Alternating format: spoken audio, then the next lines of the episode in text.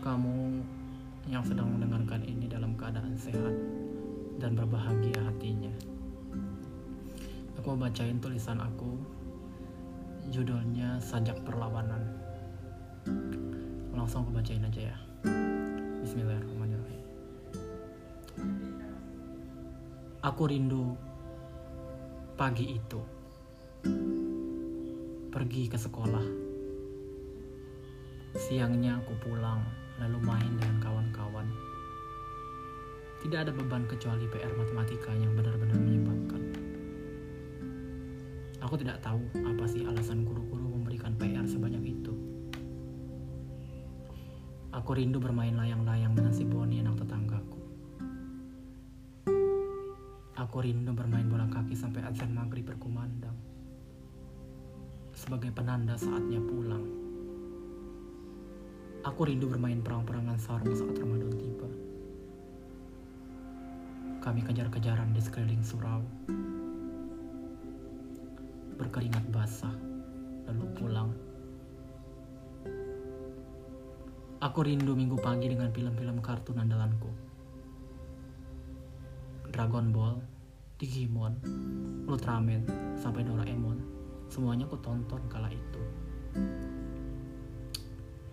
Tapi sekarang semuanya tampak membosankan. Hari-hariku hanya dipenuhi dengan kerjaan, kerjaan, kerjaan lagi. Lalu percintaan yang benar-benar hambar, penuh dengan drama murahan. Berita para menteri di televisi yang benar-benar memuakkan pernyataan-pernyataan bodoh yang menyakitkan telinga untuk didengarkan.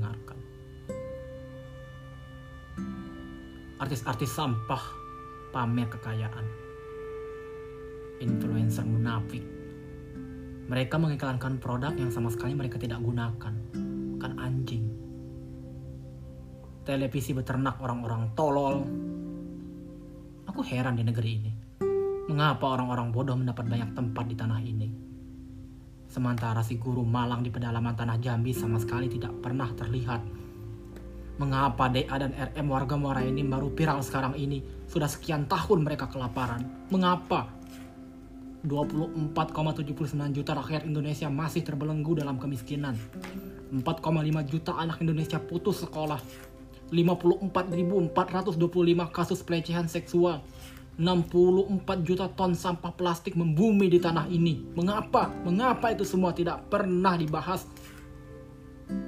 Tidak pernah menjadi concern kita semua.